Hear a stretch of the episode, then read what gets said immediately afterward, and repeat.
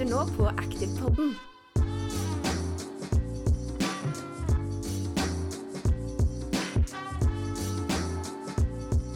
Hei og velkommen tilbake, både til deg som eh, sitter og lytter på det her, eller om du går og lytter, eller hva du nå gjør. Og velkommen tilbake til eh, deg, Mats. Takk skal du ha. Og ikke minst deg, Yngvild. Tusen takk. Vi hadde en hyggelig samtale forrige uke om uh, myter innenfor det med kosthold. Stemmer.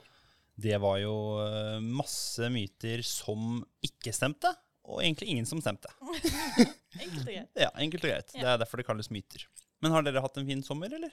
Helt klart. Ja, Veldig, veldig fin sommer. supert. Det er det. Og det håper jeg også dere som uh, lytter har. Uh, sommeren er ikke helt over enda for alle, men for de fleste så begynner den å ta en slutt. Og da håper jeg alle sammen har hatt en fin sommer og har en fin, eh, fin sommer de siste dagene som er igjen før høsten tar oss hjem. Men i dag er det jo et nytt tema. Vi skal snakke om treningsplanlegging. Og for mange så er jo det noe de har hørt om, og noe som kanskje ikke blir gjort. Kanskje man har planlagt i hodet sitt at denne uka her skal jeg trene to ganger, og det er den kalde planleggingen man har gjort for seg selv. Men treningsplanlegging går jo litt dypere enn det, og det er jo ganske mange faktorer innenfor det som kan være veldig fint for å enten nå et eh, treningsrelatert mål, eh, men også et eh, mål innenfor det med, med kost og ernæring. Og Derfor har vi også da med oss Yngvild i dag, som skal dra oss litt nærmere inn på den delen. Mens eh, jeg og Mats har jo god kål på akkurat det med treningsplanlegging. Så jeg er litt spent, Mats. Har du en god grunn til meg på hvorfor man skal planlegge trening? Ja, det vil jo være for å optimalisere treninga, sånn at ikke du blir overtrena, og at du utnytter det potensialet som du har for å få best mulig progresjon. Ja. Så det er jo kanskje målet. Mm. Eh, Men så er det liksom hvordan man finner ut hva som er den optimale treningsmengden. Hva som er for mye, hva som er for lite. Det er jo veldig erfaringsbasert igjen. Men vi har jo noe vitenskap som vi kan støtte oss på, eh, og det er jo mye av det vi underviser i da, på, på PT-studiet. Så jeg bruker å se på det sånn at treningsplanlegging, eller nesten uansett hva man driver med, er jo en, eh, at du sjonglerer tre variabler, og det er jo da kanskje den viktigste av alle, som er intensiteten. Så at du tar en hard økt, og så tar du en roligere økt etterpå. At du balanserer intensitet. Og så er det jo noe med varighet, spesielt på utholdenhetstrening. Eh, og så vil det jo være frekvensen, altså hyppigheten av treningsøktene. Så det er jo summen av de tre som egentlig avgjør ganske store deler av treningsbelastninga. Så det er jo det egentlig vi snakker om her når vi snakker om treningsplanlegging. Det er jo sånn, Hvordan sjonglerer vi dem? Og for styrketrening så vil det i større grad bli intensiteten bli sånn med, med motstand. Altså hvor tett opp mot maks løfter du? Hvor mange repetisjoner og sett løfter du innenfor hver muskelgruppe? Og så hvor ofte gjør du det?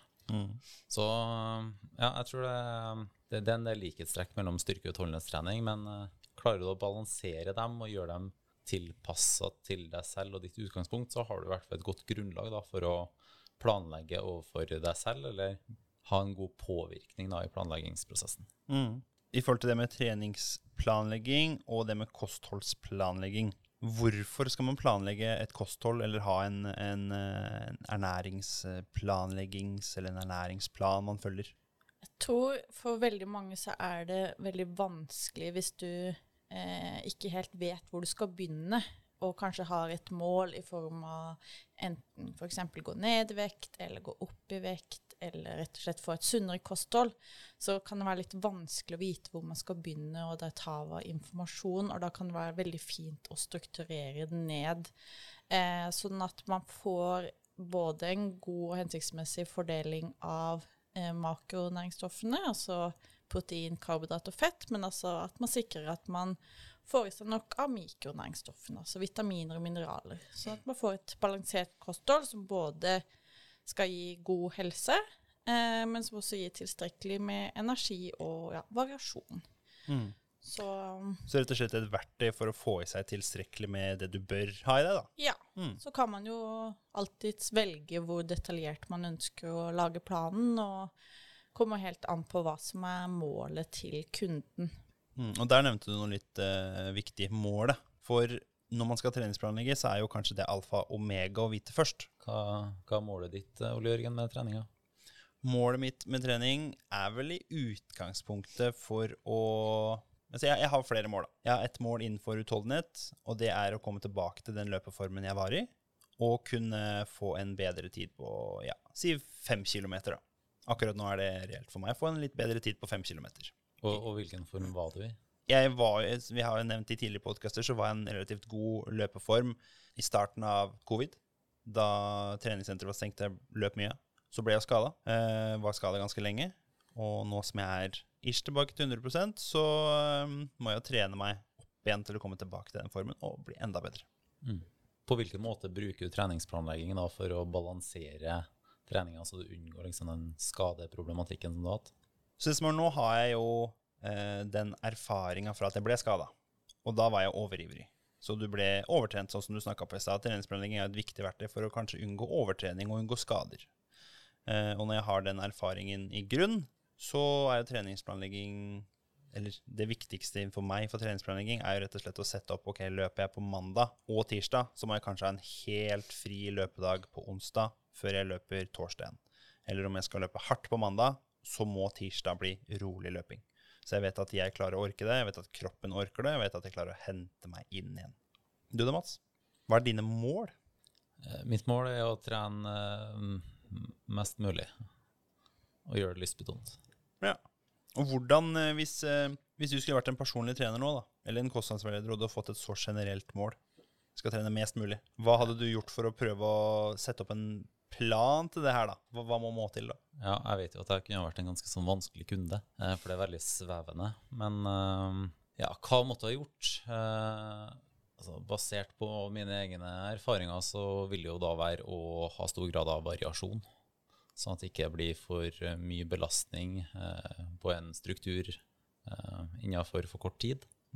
Så jeg tror liksom variasjon har mye aktiviteter å sjonglere mellom. Um, og som du sier, sørg for at det blir tilstrekkelig med, med hvile, da. Tenker du at jo mer spesifikt mål, jo enklere er det å sette opp en plan som er mer spesifikk? Eller er du litt for uansett om målet er så generelt at jeg ønsker å bli sterkere, så setter du opp en plan til det, kontra jeg ønsker å ta 163,75 kilo i knebøy? Ja, ehm, jeg tenker at det å bli sterkere vil jo da være kunden sitt kanskje generelle mål, for en vet ikke hva den øvre grensa blir, eller hva som er realistisk. Og så kan jo du, eller vi da som fagpersoner, vi kan jo ta i bruk det vi kan om adaptasjoner til styrketrening, og så estimere forventa progresjon, og kanskje spesifisere det noe bedre, da.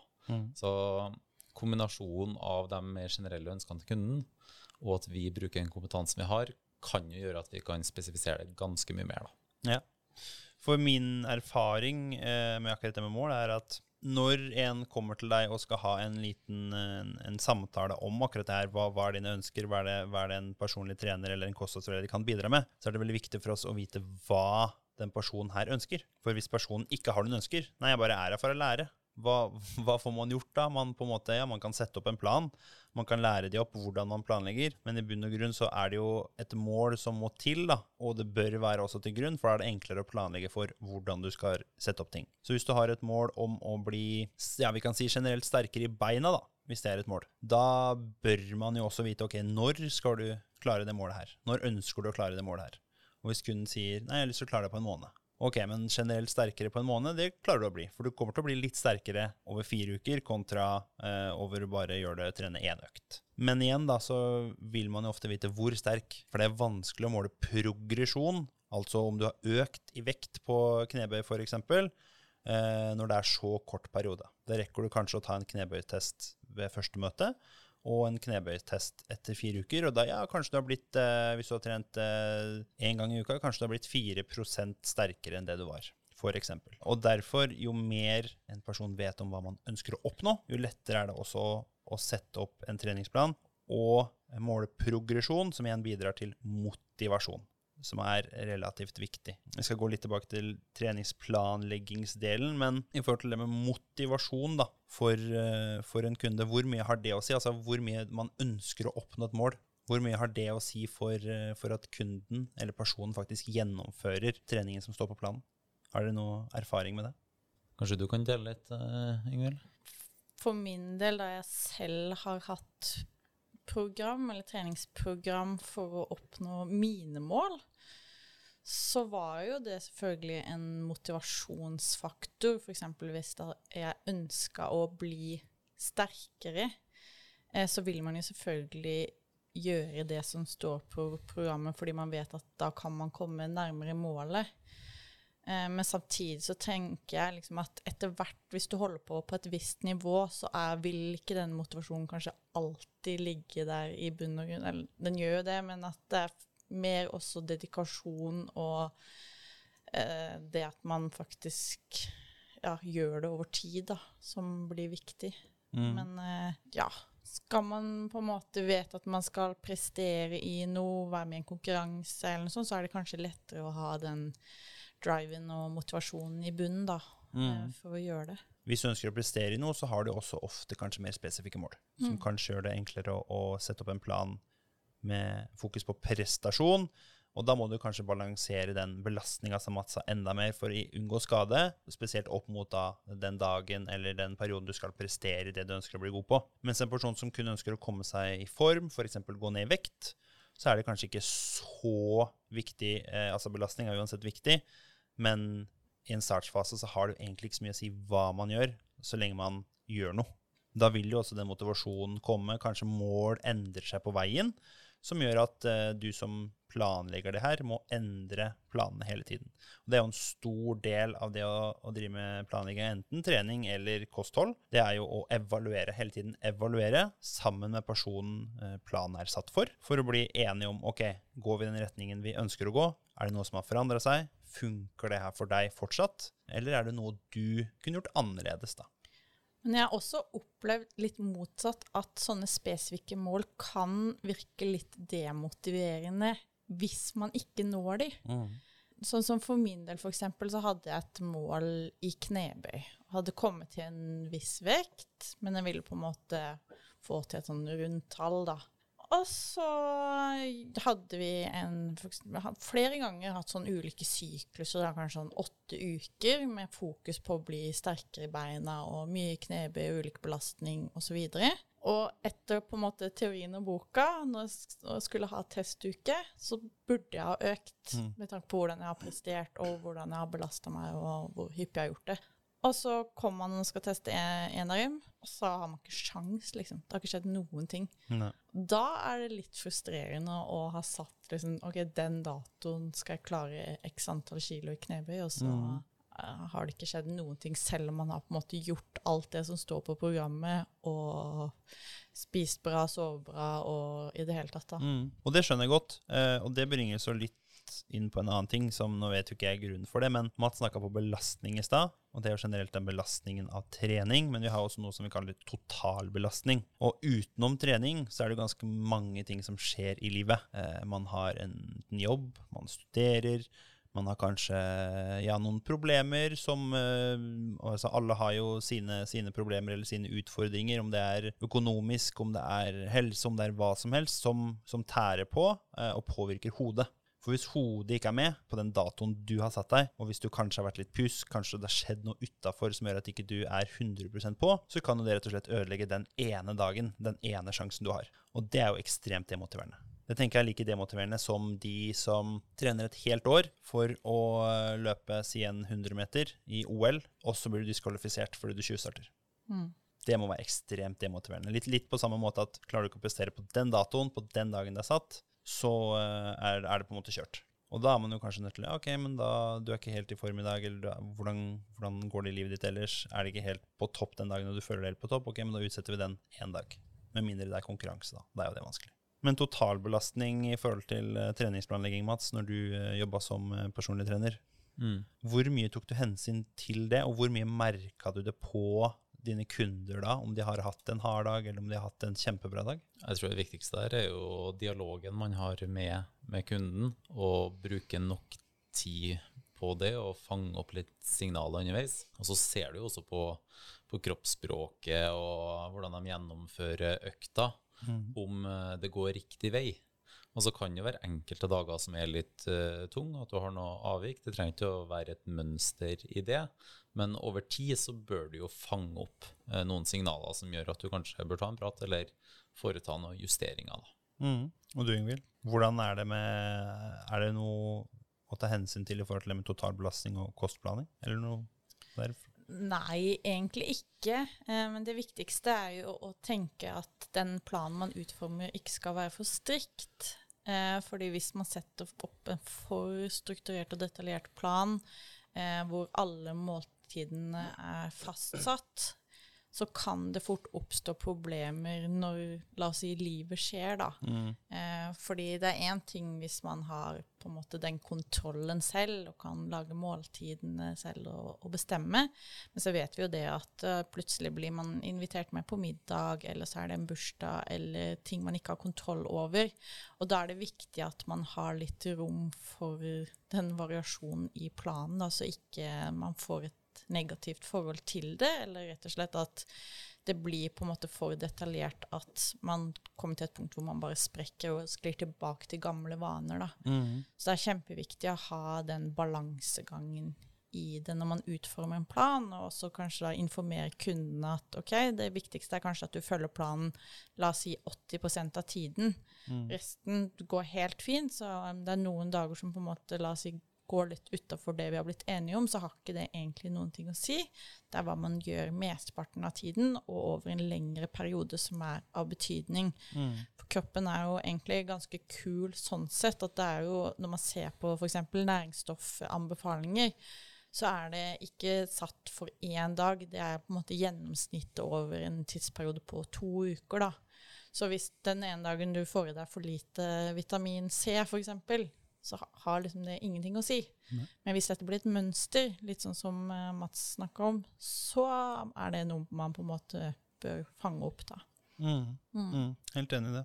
Jeg tenker i hvert fall eh, hvis man skal utforme en veldig spesifikk kostholdsplan som oppgir mengde energi og makefordeling, så tenker jeg det viktigste å ha i bakhodet er jo at alle de tallene man kommer frem til, altså hvis jeg skulle beregne energibehov til deg da, Ole Jørgen, eh, så er det alltid et estimat.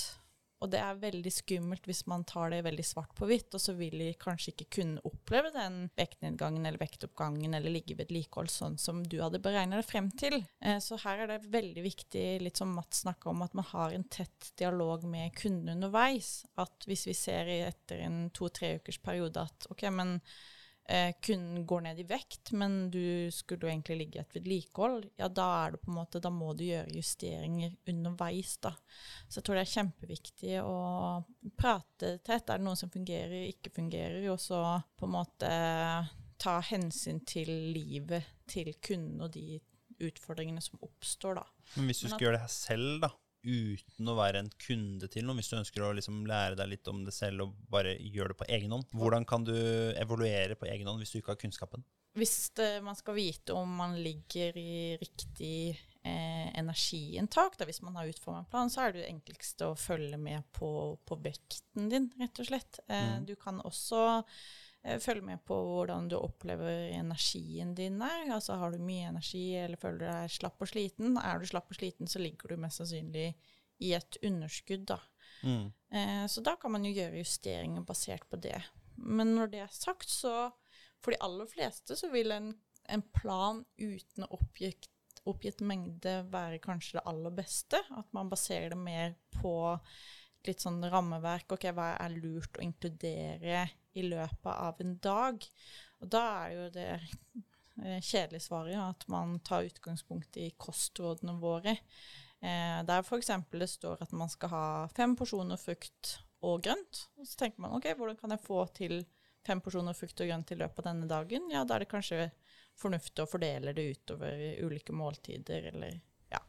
Sånn at man får en variasjon i løpet av dagen, og inkluderer da på en måte råvarer som metter godt, og som man trives med. Mm, Man må tips. ikke oppgi kalorier og gram, for det kan være ganske ja, strikt da, for de aller Mm. fleste å følge, og omfattende. Ja, Så lenge man får taco på fredager, så, Så er det helt greit. så er det helt greit. Supert. Men du nevnte jo litt sånn å ikke tro på alt du hører og leser. For det finnes jo ganske mange allerede eksisterende og ferdiglagde planer både for kost og for trening på nett. Og treningsinfluensere som eh, sier at eh, se på meg, jeg gikk fra å veie 150 kilo til å veie 80 kilo, og har en muskelmasse på det her og det her, har sixpack, store biceps eh, og bryst og bla, bla, bla. Eller store rumper og lår, som er attraktivt for det, for det andre kjønn. Men hva tenker dere om det her? Jeg tenker jo at man skal være litt forsiktig med det, fordi for det første så er jo helt klart eh, vår genetiske profil veldig viktig inni deg, i hvert fall når det kommer til, til kosthold. Jeg har, jeg har blanda tanker. Det ene er jo selvfølgelig at det som funker for deg, Mats, det er jo ikke sikkert det funker for meg. Altså man, en, en treningsplan, hvis du skal ha en som er ganske detaljert og en du følger, bør være spesielt laget for deg, for at du skal nytte best mulig ut av den, og for at den skal eh, være kanskje mest mulig morsom å gjennomføre. Men samtidig, hvis du ikke har noe peiling, du har kjøpt en, en treningsplan på nett, og du prøver den, du vil selvfølgelig få progresjon, fordi du har kommet i gang, og du kontinuerlig trener. Så du vil jo uansett få en, eh, en um, progresjon, du vil bli litt bedre. Men om det er mot ditt spesifikke mål, eller om det passer deg veldig bra, eller om det plutselig stopper opp, eller om du kanskje ikke får den sixpacken du ønsker, så er jo det kanskje mange andre årsaker, sånn som du nevnte, Yngvild. At, eh, at det med f.eks. å få en sixpack, det er ikke sikkert alle sammen kan få den samme og den eh, mest synlige sixpacken eller de største armene eh, etc. Men uh, har du noen tanker på det her, Mats? Har du sett mange ferdiglagde planer og klødd deg i huet og Ja, altså mange av dem er jo relativt uh, like. Uh, det er jo litt sånn som når du ser en oppskrift på en matrett, så er det jo veldig mye av det samme, men liksom med noen små tvister her og der. Og mye av det, i hvert fall innenfor styrketrening, er jo tufta på et litt sånn eh, rammeverk som sier liksom hvor tungt du bør trene hvis du skal gjennomføre så mange repetisjoner og så mange sett, for det er en range der som vi kan se fungerer relativt eh, bra. Litt sånn som den eh, gode tabellen som du er så glad i, Ole Jørgen, på Side 123 i Råstad? Side 123 i Råstad, ja. Mm. Uh, og veldig mange program tar utgangspunkt i en sånn type struktur. Eh, og så tilpasse litt eh, deretter. Og det er jo det vi også lærer opp studentene til å liksom bygge programmene rundt. da, Og så må de komme med litt egne tanker og, og tilpasse litt ut ifra det utgangspunktet. Mhm. Jeg har en liten eh, Det er jo en, og en erfaring, men de fleste, er det ikke alle, men veldig mange har drevet med en form for organisert idrett. Og kanskje slutta når de var slutta på videregående, kanskje de holdt på til de var i 20-åra mens de studerte, eller holder fortsatt på. Men det å drive med organisert idrett, om det er bedriftsfotball, bedriftshåndball, hva det nå enn måtte være, så er jo det en kjempefin måte å få treninga planlagt for deg på. Så du møter jo opp, du gjennomfører en trening, har det gøy og drar hjem. Og på samme måte vil jo en, en individuell treningsplan fungere. Selv om det er en, eh, på et eh, treningssenter, eh, eller om det er via kost. Du har en plan å følge. Det er jo kjempeenkelt. Sånn i utgangspunktet, hvis du ikke har kunnskapen selv, få en plan og følge den. Det gir jo litt motivasjon. For du slipper å gå og tenke ah, hva i alle dager skal jeg trene i dag? Nei, da blar jeg opp i planen jeg har uh, skaffa meg, eller uh, snakker med petten min, eller kostholdsveilederen min. Ja, det skal jeg gjøre i dag. Åh, så digg. Har jeg ikke lyst til å gjøre det? Ok, men da bytter jeg den dagen med en annen dag som, eh, som jeg kanskje skal gjøre. Men det å bare ha en plan, det å bare møte opp på trening, gjennomføre treninga og dra hjem, det er jo kjempedeilig å ikke tenke noen ganger. Eller hva er deres erfaring med det? Eller foretrekker dere å tenke masse og bruke veldig lang tid på å planlegge en økt dere skal gjennomføre samme dag? Nei, altså jeg har jo hatt eh, treningsprogram eller plan i eh, kanskje tre-fire år sammenhengende. Og Jeg syns det har vært eh, kjempefint, egentlig. Fint og også tungt, fordi at du føler jo på den samvittigheten til tider, når du egentlig kanskje ikke har så lyst til å dra på trening, eller det er noe annet du har blitt invitert med på, så står det nei, tirsdag skal jeg gjøre det og det og det, så blir det jo litt sånn åh, da må altså, Du må gjøre det, på en måte. Mm. Selv om du må jo ikke, men du føler på det. Mm. Eh, men det fine da er jo at man ofte får gjennomført økter som man kanskje ellers ikke ville gjort, og så får man en god opplevelse med det likevel. Eh, og så blir man også utfordret til å gjøre ting man kanskje ikke hadde tenkt på selv, eller kanskje ikke hadde så lyst på selv, som gjør at man blir bedre, da. For det er jo litt lett, og det merker jeg nå når jeg trener bare på egen hånd, så gjør jeg jo bare de tingene jeg syns er gøy. Og, så da blir man kanskje ikke like god som man kunne bli, da, eller får like mye variasjon, f.eks. Ikke sant? Og Det er jo litt på det med motivasjonen, ikke Mm. sant? som vi snakka på litt tidligere. Én ting er motivasjon til å klare et, å nå et mål og ha en plan ut ifra det. En annen ting er jo å ha eh, motivasjon til å gjennomføre en økt. Hvis du ikke har motivasjon, og du ikke orker å tenke, du er bare egentlig ganske daff etter dagen, men du har lyst til å trene, tenk deg bare åpne opp mobilen, eller bare se i almanakken sin. Der er en økt som står i min plan.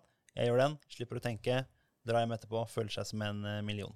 Så er det jo helt klart at man kanskje til og med yter litt bedre hvis man også skal eh, vise resultatet til den som har laga programmet for deg, Mm. og har en PT da, eller en coach som følger deg opp, så er det jo kjempefint hvis det står f.eks. at eh, du skal gjøre maks repetisjoner på siste sett. Da tar du jo en ekstra fordi du vet at det er en som kommer til å gå inn og sjekke og følge det opp. Mm.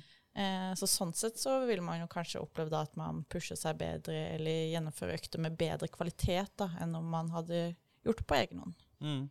Så rett og slett å, å ha en plan kan bidra til stort med både motivasjon til å faktisk dra på trening, og motivasjon til å faktisk gjennomføre den eh, Ja, egentlig da hadde du kanskje tenkt til å gjøre to sett med, med burpees på 20 stykk, og så står det at det egentlig er tre sett. Så er det sånn ah, Har ikke lyst, men det står på planen. Gjennomfører det. Du føler deg Ja, det, det er skikkelig gull følelse etterpå. Så kan man dra hjem og ja, som sagt, spise noe god taco, eller ta en sjokolade, eller en, en skål med, med is, eller en romkake, eller et eller annet. Hva tenker du, Mats? Jeg er enig i den eh, filosofien. Ja. Det er jo helt klart eh, enklere å, å gjennomføre noe som er litt tungt, hvis du har en konkret plan, og hvis du har noen du skal forholde deg til, den forpliktelsen. Mm. Eh, Så jeg støtter den. Ja.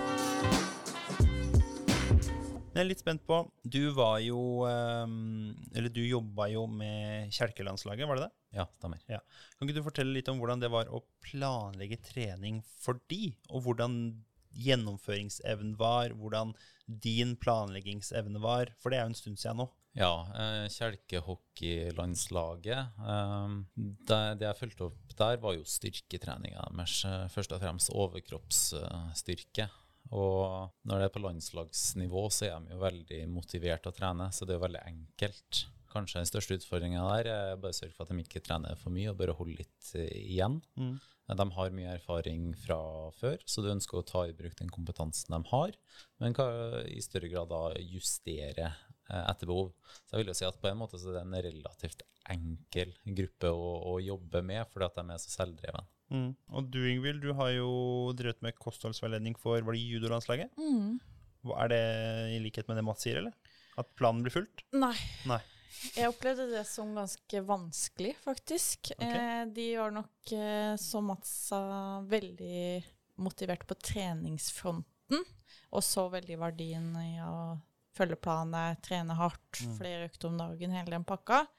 Så var det Nå- Grandis når du kom hjem, liksom? Ja. Ja. Men når det kom liksom til kosthold, og forstå verdien i hvordan det kan påvirke prestasjon og restitusjon, Mm.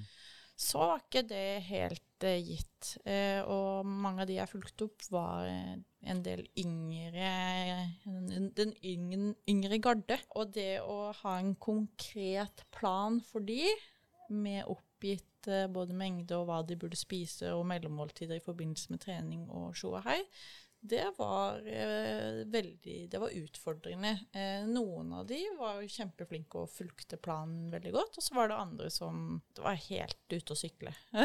så her var det veldig det å ha, prøve å ha en tett dialog med dem og finne ut OK, hva fungerer best for deg? Ok, Da må vi gå bort fra det. Du må ha litt mer generell plan. Du må kanskje bare få noen retningslinjer du skal følge. Så her var det veldig viktig å, å kartlegge på en måte hvordan Hva trenger du? Mm. Eh, hvordan skal vi lykkes? Eh, og det her var jo på en måte ikke noe kanskje spesifikt mål innenfor på en måte vektendring eller sånn type ting, men det var eh, på en måte at kostholdet kunne bidra til å nå målet innenfor judo. Mm. Eh, men utfordringen med å jobbe med de var jo samtidig at det er en eh, idrett som baserer seg på vektklasser. Mm. Og det var òg vanskelig for da var det jo som jeg nevnte i stad, så er det veldig vanskelig å beregne egentlig et eksakt energiinntak når man skal sette opp en plan. Mm. Og for disse utøverne så var det jo da ekstremt viktig at de verken gikk for mye opp eller ned i vekt, fordi de helst skal ligge så tett som mulig mot den vektklassen de skal prestere i, eller konkurrere i. Ja. Så det var, det var vanskelig, og da måtte vi gjøre en del justeringer underveis. Og så prøver man å ta litt sånn egne erfaringer i hodet. Ok, når du sier at du har to økter om dagen, når du gjør det og det, så tilsvarer det ca. så mye høyt energiforbruk. Men så så jeg det, nei, eh, personen går opp i vekt på det. Ok, da har de kanskje en litt annen treningsintensitet enn det de f.eks. gir uttrykk for til meg. Mm. Og så er det jo OK, hva gjør du resten av dagen? da? Sitter du på rumpa hele dagen, eller er du på jobb og skole og går rundt? Altså, Men det er kanskje det vanskeligste, ja, Veldig ikke sant, i forhold til det med, med ernæringsplaner. At Mm. folk Når du kommer til en, en fagperson som prøver å hjelpe, så vil jo de virke kanskje bedre på ting enn de er. Mm. De vil virke sunnere enn de er på kosten, kanskje. Og da, hvis de da oppgir at nei, jeg spiser bare det her og det her og det her, og så er det egentlig doble porsjoner, det er kanskje sjokolade der og der og der, og da hjelper det jo ikke deg som fagperson å, å Nei. planlegge det her. Og det er jo vist i ganske mange studier at de aller fleste som skal selvrapportere hvor mye energi de inntar, de feilbommer jo med opptil 1000 kalorier per dag. Mm. Og det er ganske mange kalorier. Ja. Eh, Så derfor er det veldig vanskelig når folk ikke har god nok kunnskap om hva de faktisk inntar, eller hvor mye energi de forbruker, så blir det da desto vanskeligere for deg å komme frem til et nøyaktig tall. Eh, Og det er derfor det kan kanskje lønne seg å lage en mer generell plan som kommer mer førende retningslinjer for hva måltid bør inneholde, og sammensetning, Mm. hen i stedet for da at du skal spise 38 gram avokado, på en måte. Og for deg som hører på, hvis du skal nå dra til Yngvild eller en annen kostnadsleder, vær ærlig. Ja, men det er faktisk gull. Ja, Det gjelder det jo med, med alt, for så vidt. Nå er det ikke kanskje så veldig mange som Eller det er jo et lite utvalg, men av alle i hele Norge, si da, så er det jo kanskje flere som eh, ønsker å ikke prestere innen spesifikk idrett, men heller kanskje ja, gå ned litt i vekt, kanskje føle seg litt bedre og se litt bedre ut. Eh, og da er en matplan fin å følge, men det mange ikke tenker på, er hvor viktig det kan være for oss å prestere, og ikke bare på idrettslige arenaer, men også på jobb. Um, hvis vi skal ta en idrettsutøver, en norsk idrettsutøver som selv har sagt akkurat der at han var veldig dårlig på å følge Han hadde ikke noe bra kosthold. Karsten Warholm, som knuser sine egne rekorder gang etter gang, han eh, nevnte jo det at når han først endra kosthold og fulgte en plan og bedra det her fra det dårlige det var, det var da han først begynte å se ordentlige resultater. Og da er jo det en toppidrettsutøver, men da ser man jo ok, det har det kanskje litt å si likevel. Og ikke bare treningsdelen, men også det man putter i seg. Ja, og det er et sånn fellestrekk for de aller fleste som driver med den type idrett, er jo det at de inntar for lite karbohydrater. Mm. Og med det å øke karbohydrater og får da egentlig høyere substrat til energi, da, så Mm. vil jo det helt klart påvirke både prestasjon og restitusjon. Og da er det jo også ja, mye med timinga og måltiden og mye detaljer man kan gå inn på hvis man skal jobbe med idrettsutøvere. Men uh, det er veldig spennende å se hvor stor forskjell de fleste opplever bare ved å endre litt på måltidssammensetningen eller øke inntaket av et næringsstoff. Da. Mm, absolutt. Enig, Mats? Helt klart.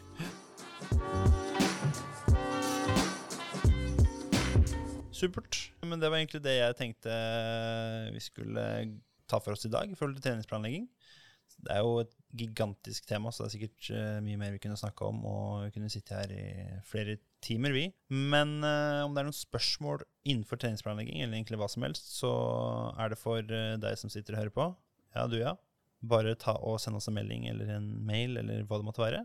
Og så kan det hende vi svarer på det spørsmålet i neste podkast. Så tusen takk for eh, at du dukka opp, Mats, og tusen takk for at du dukka opp, Yngvild. Så ses vi kanskje neste gang. Ha en fin dag videre. Liker du det du hører? husk å abonnere i din podkastspiller. Vi setter stor pris på at du gir oss en rating og deler episoden med en venn.